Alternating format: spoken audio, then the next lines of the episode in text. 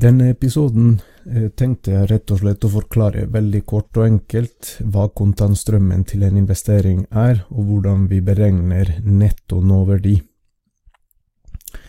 Kontantstrømmen eh, til et investeringsprosjekt er rett og slett eh, en tidslinje som viser summen av alle innbetalinger og utbetalinger som skjer i prosjektets levetid. Det vil si, hvis bedriften skal investere i en bil, og bilen har en eh, levetid på fem år, eksempel, så starter man i dag på investeringstidspunktet med et utlegg, en utbetaling, for, eh, på, på, det bilen koster.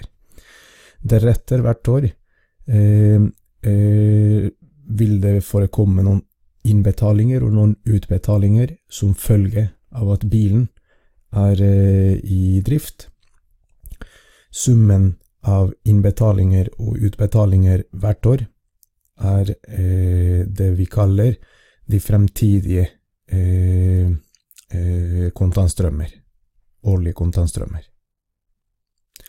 Hvis vi ser for oss et eksempel hvor vi må betale ti for å kjøpe f.eks. en bil, så starter vi eh, kontantstrømmen med minus 10, altså investeringsutgiften, og så, så later vi som om eh, summen av innbetalinger og utbetalinger, altså plusser og minuser, for hvert år gir 100, og det samme de fem årene. Da har vi 100 i netto årlige kontantstrømmer i hele prosjektets levetid.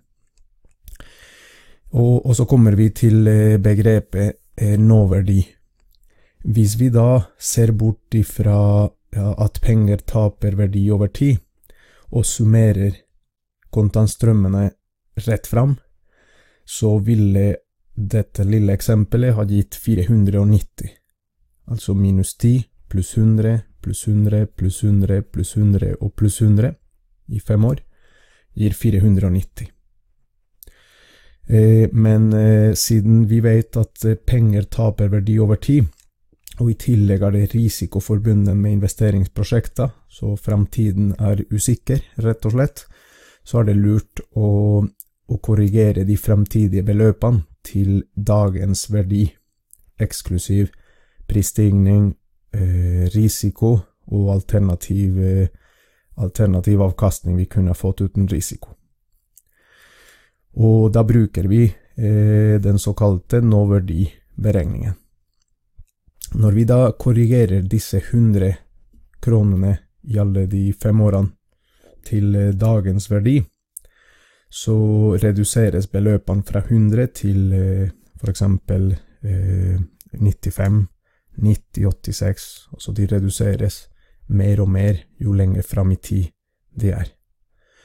Og har i et eksempel som, som jeg viser her eh, for eh, eh, de av dere som ser på videoen.